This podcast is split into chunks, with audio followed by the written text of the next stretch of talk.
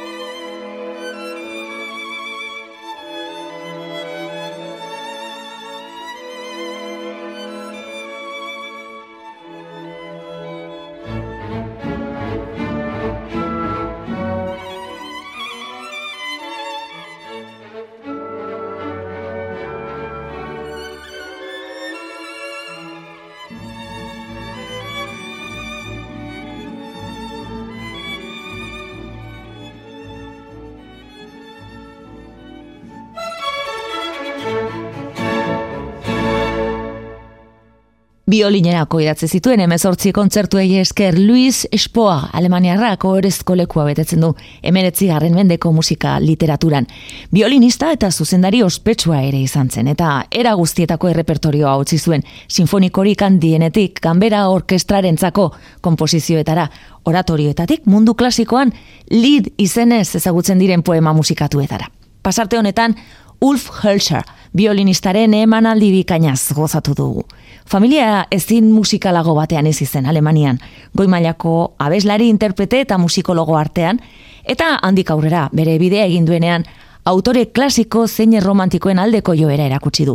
Luis Espoag, hoien artean. Klasikoak eiteben. Jarraian entzungo duguna bajek saksofoiaren idatzitako pieza txiki bat izango da. Eta hau bukatzean, bibaldiren urtaroetatik neguari egingo diogu tartea.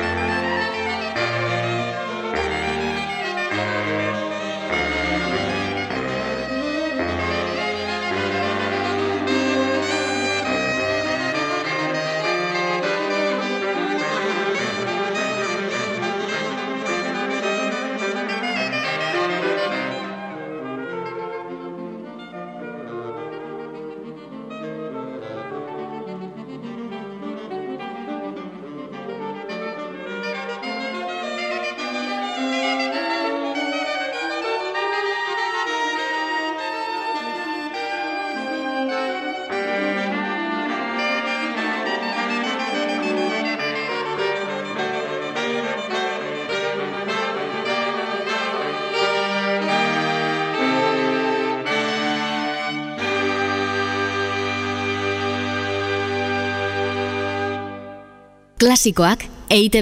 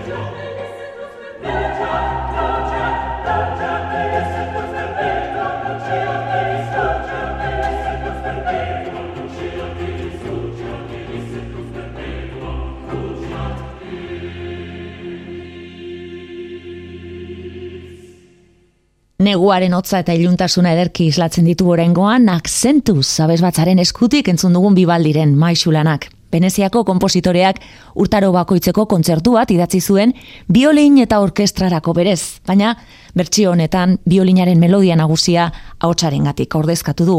Lorenz Ekilbaiek gidatzen duen koru ospetsuak.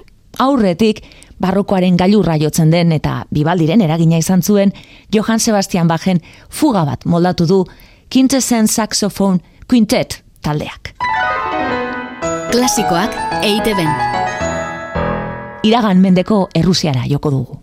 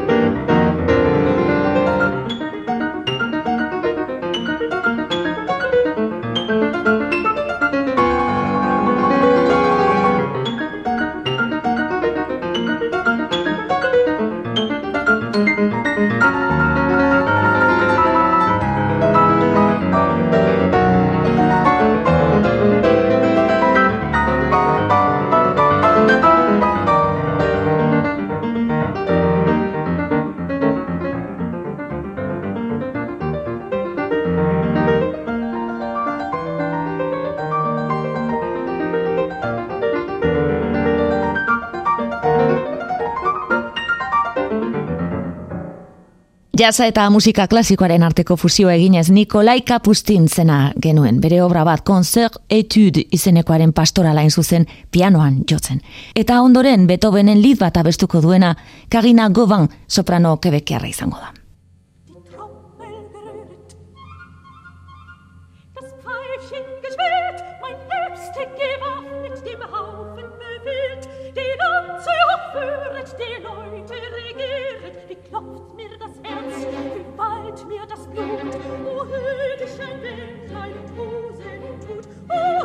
Geschenk Bämslein und Rosen und Mut.